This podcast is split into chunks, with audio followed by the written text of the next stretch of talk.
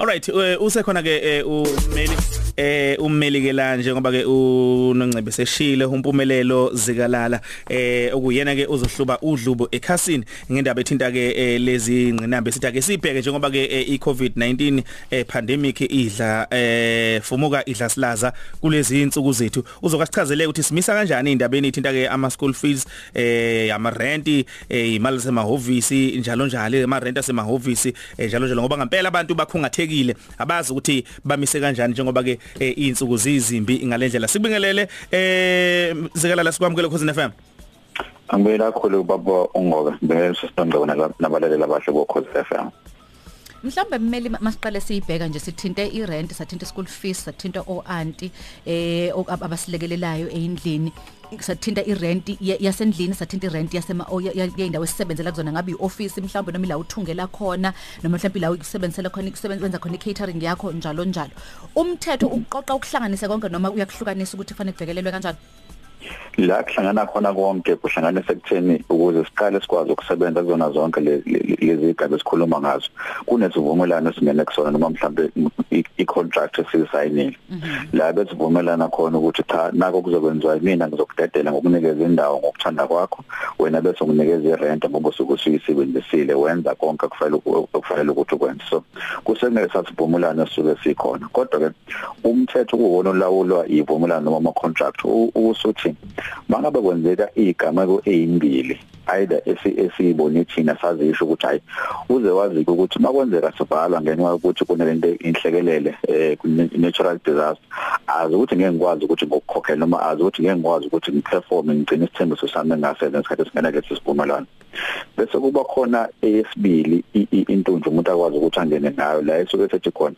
Makwenzeke isigameko ebesingasazi sobabili ebesingakwazi futhi ukuthi sisicontrol noma besingadalanga ngayithini esesenza ke manje ukuthi singakwazi ukugcina ithembiso zethu. Musa ukungibhanisha noma ungathathi njengokuthi ngivele ngenza ngamasibomo ukuthi angingasigcina isithembiso ebesivumelane naso ekuqaleni.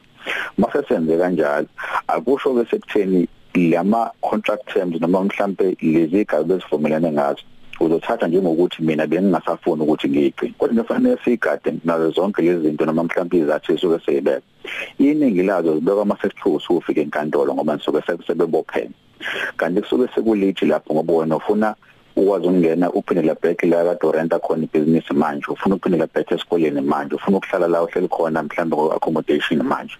So into ezokwazi ukuthi size ile nokuthi kufanele si understand ukuthi into esidila ngayo kahle kahle. Ake sithathe la sirenta khona ebusinessini asikhumbule la ukuthi sobabili eh, mina ngumqashi nomuntu ebengiqashe kuyena. Asikwazanga ukuthi sisebenze ngoba u level 5 no level 4 usivumeli kodwa buye sigade khona abahlukile ababizwa ngama essential services uthola ukuthi bayakwazi ukusebenza kodwa inzuzo kade beyenza ayifani noma ayilingani njengenzuzo abazokwazi ukuthi bakhokhe ngayo. So kubalekile ukuthi si understandane siphinde so renegotiate noma mhlambe ake sibuyele kabusha sibuyele ukuthi sivumelane sethu sithini ngoba sesibhekane nenkinga ebingakazi bekhona ekuqaleni. So ukuze sikhulume kahle asingafikisani enkantolo yokuqala asiqale sikhulume thina kasobabili bese siyabona ukuthi sixazulule sakhona soyithinda kuphi. Ungene phambili kuhulumeni obesethi ukhona into ekuthiwa i-rental relief eh, scheme elapha kumnyango ka small business development ukuthi ayiwoza ngaphambili sibone ukuthi sikhuluma kanjani sibone usixazulula kanjani lelo daba noma mhlawumbe inkinga sasibhekana nayo sobabili yaphinde nenhlangano lapha i-property industry group nabesithi ake ake nize ngaphambili nina abantu enendawo eniqashisa ngazo sibone ukuthi yiphi indlela singakwazi ukuthi sisizane ngayo ngoba noma ngabe umthetho ukhona umile kodwa nafuna sigade ngomthetho usebenza at a later stage uphinde uzosebenza futhi ngendlela wena usulimele la ngoba ukwazanga ukuyongena ibhizinisi lakho ukwazi ukuthi uqhubeke nempilo mhlawumbe uzokwazi ukuthi urecover ugcine usula kade ukhona eqaleni iCovid-19 ingakaqali. Siphinde sizena ku-accommodation la hlala khona manje project ngiqashile la ngihlala khona.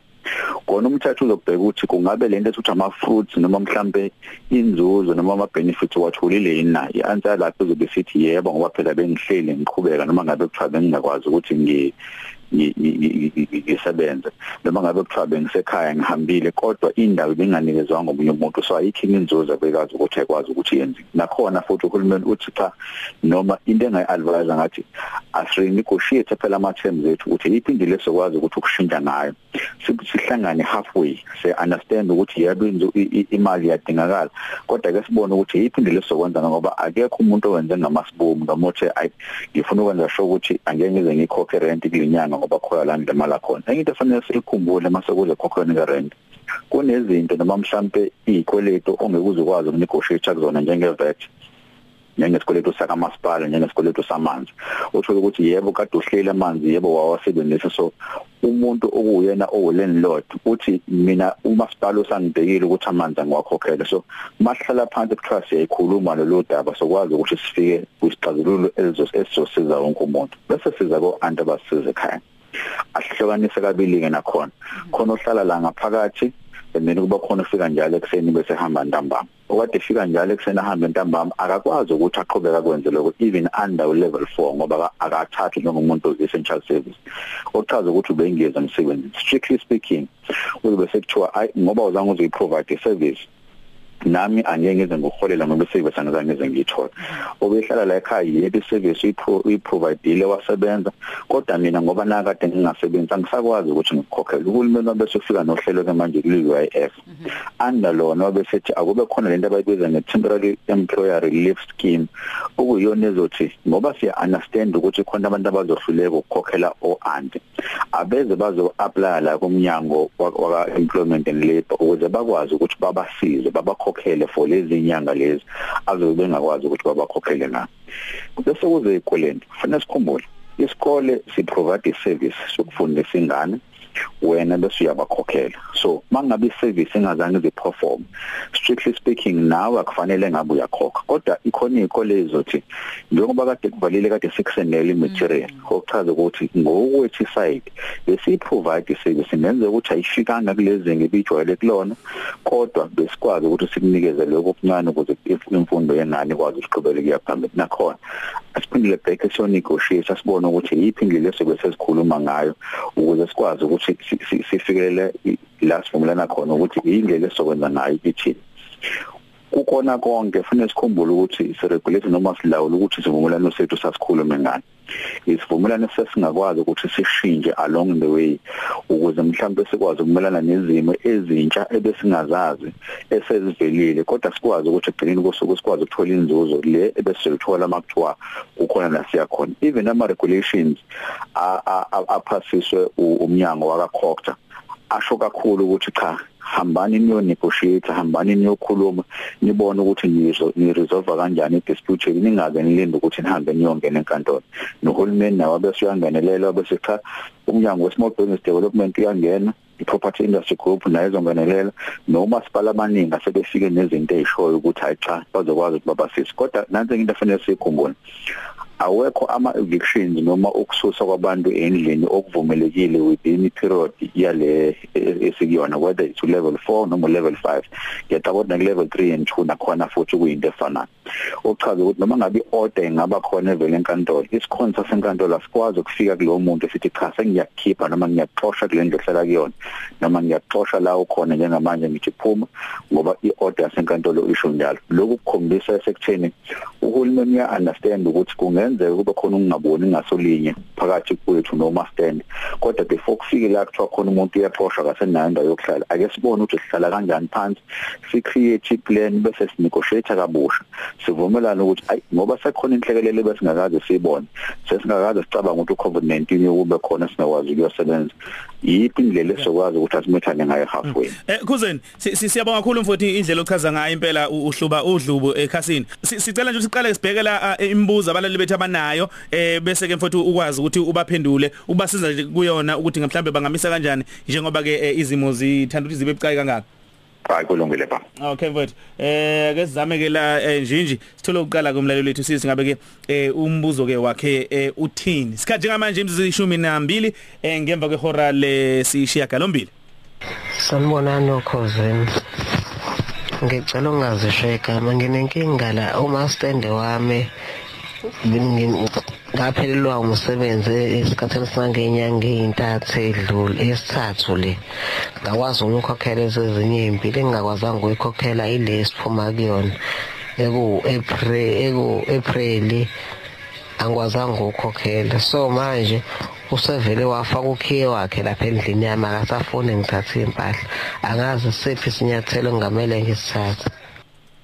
Ngelele tjatha noNongcebo khosini. Yabo lethu ufike nikhuluma ngawo namhlanje inzima kabi. Kumanje thina asikaze singelelwe imali athi uyahleli imali ya UIF uyenzima nezimpahla zihlele emqashweni. Uma stand sethi uzodla impahla ithi asazi fanele senze njani sokhokha kanye ngoba phela mesingeke sinebudget besazi bese sikhokha mesiholile kuphela kwenyanga. Manje hayi uyifuna la imali kunzima ngalendlela nabaqashiye bathulile besikhuluma indaba ukuthi siyadlelwa impahla zethu. Kunzima singenza njani isimo mesinje endazi yerent mina ngikhulume naye umastand umastand uthi uyavuma ukuthi ngihlala ngisikweleti la ngihlala khona. Kuloko yaqala nje i-lockdown ngiyakweleta until nje namanje. Angisebenzi ngidayisa itafula. Etafuleni abantu beyangekho abazothenga la ngidayisa khona. Wonke umuntu beyangasebenzi ngazi mfowethu umlungu mfowethu wavethu wayiletha nje itetement mfowethu wayigaxa itetement mfowethu njengoba nje imali yakhe injalo akangasho nanokuthi ufuna 50 percent. Ngathi ngiyazama ngesayidi lami nami ngithi ngiyayikhulumela. Wathi hhayi into engangisiza ngayo nje mfo kamakhaya le mali uma uhluleko yona ungayibhadala nje kancane kancane kancane. Ingabona ukuthi the waste of time. Kuyafana nokuthi ngibhadala imali njengoba injalo hayi mina tshati ugodwe mina ngiyayidinga irenti bafowethu mina. Kwezami iqashi siyazi nje. Kwaze izangibuza ukuthi ziyehlise le mali ngathi cha cha ngeke imali ikwazi ukwehla. Imali nje kube yiyona ngidinga nje imali yami ngoba kuphela ngoba kuphelile inyanga nje. Abangikhokhile kodwa ngoba salinde imali zabengena Hmm. Eh kuzeni hey mfowethu. Eh nazi ingqinamba lapha abantu ababhekene nazi kakhulukazi ezithinta eh omastende nemali yerent. Kakhulu. Mhlawumbe ake siqale la okubalekile ile besikube sikhuluma ngayo ukuthi ake siphinyele back siyo negotiate ke sibone ukuthi siphi isivumelwano singafika kusona. Ngoba ekupheni kosuku noma ngabe kuthi uCovid-19 usuphelile still sisadingana? Uma sidenja idinga ibhizinisi nami ngiyadinga indawo yokuhlala. Kanti mangabe kuthuya ngisusa manje akakwazi ukusebenzisa izini izinkantolo ngoba nazo zivaliwe. Azidili nama matter mhlawumbe izinto engathinda nokuxoshwa kwabantu. Ingakho kungiphatha kabi ukubaba okwasho ukuthi usevalele kwaze wafaka ingidi akuvumelekanga ukwenza lokho ngoba umuntu usuke sethatha umthetho ulethe ezandleni zakhe. Even ngokuxosha umuntu utholakala izimpahla zakhe sezingaphandle awukwazi ukwenza lokho. Fanele inkantolo kuphela enamandla okukhipha umyalelo ukuthi umuntu akaxoshwe la ehlala khona. Yebo ngingasho mina ngokuthanda kwami but inkantolo engiyidingayo ukuthi izonginikeza leyo order ukuze ngikwazi ukuthumela ushore futhi akakho so bengizocela lo baba axhumane nommeli wakhe mangabe naye. Mangenayo legal aid une unenamba kwazi ukuthi uyifonele noma usingelo call back bese bekufonela back. Akenze sure ukuthi yabathinde khona uzokwazi ukuthola ukweluleka okusheshayo. Bese siza la umuntu mesuke engasebenzi khona noma mhlawumbe uthola ukuthi khona i-shortfall ayitholile asikhumbule sithe ikhona lapha i-UIF le apply khona. Indlela sebenze ngayo manje sebethe wena oqashiwe noma oyi-employer noma umsebenzi nawe usiyakwazi ukuthi uyozi-applyela. Noma ngabe kuthuba ungarejistanga ekuqaleni bona bazobe sebebuya sebeclaim back kumqashi wakho. So asenze sure kulabo abangaholi noma mhlawumbe bathola imali eyi-short pay hambe kwa-UIF noma uthole indlela ozokwazi ukuthi uthintane nabo ka-department of labor noma mhlawumbe ku website yakho bese uyayifaka application yakho bezokwazi ukuthi ulithole usizo. Kodwa kubalekile ukunegotiate ukukhuluma sibone ukuthi sisebenza kanjani kulolu hlelo noma mhlawumbe kulenkinga esibhekana nawo njengamanje. Hmm. Mfethu kuyezwakala. Eh siyabonga. Imizamo yenzile emikhulu kakhulu. Siyethemba abantu bakithi basizakele futhi bazokwazi ukuthi bathatheke inyathelo ezifanele njengoba abaningi bebonakala ukuthi babhekane nenkinga. Siyabonga kakhulu mfethu. Ngiyabonga kakhulu namabonga. Alright sikufisela kusuku oluhle. Yebo ngaba Okay eh ummeli kule besikhathi sikhuluma naye ke ngalesi sikhathi eh ekseni sibheka nje ke le ndaba ethinta ke i ma rent eh kanjalo ke nokukhokheleka nje ke kwabantu nokukhokhela izikole njalo njalo lapha na ke umpumelelo wakazikalala. Siyabonga kakhulu ke ngesikhathi sakhe. Mangabe isikhathi ke sesinje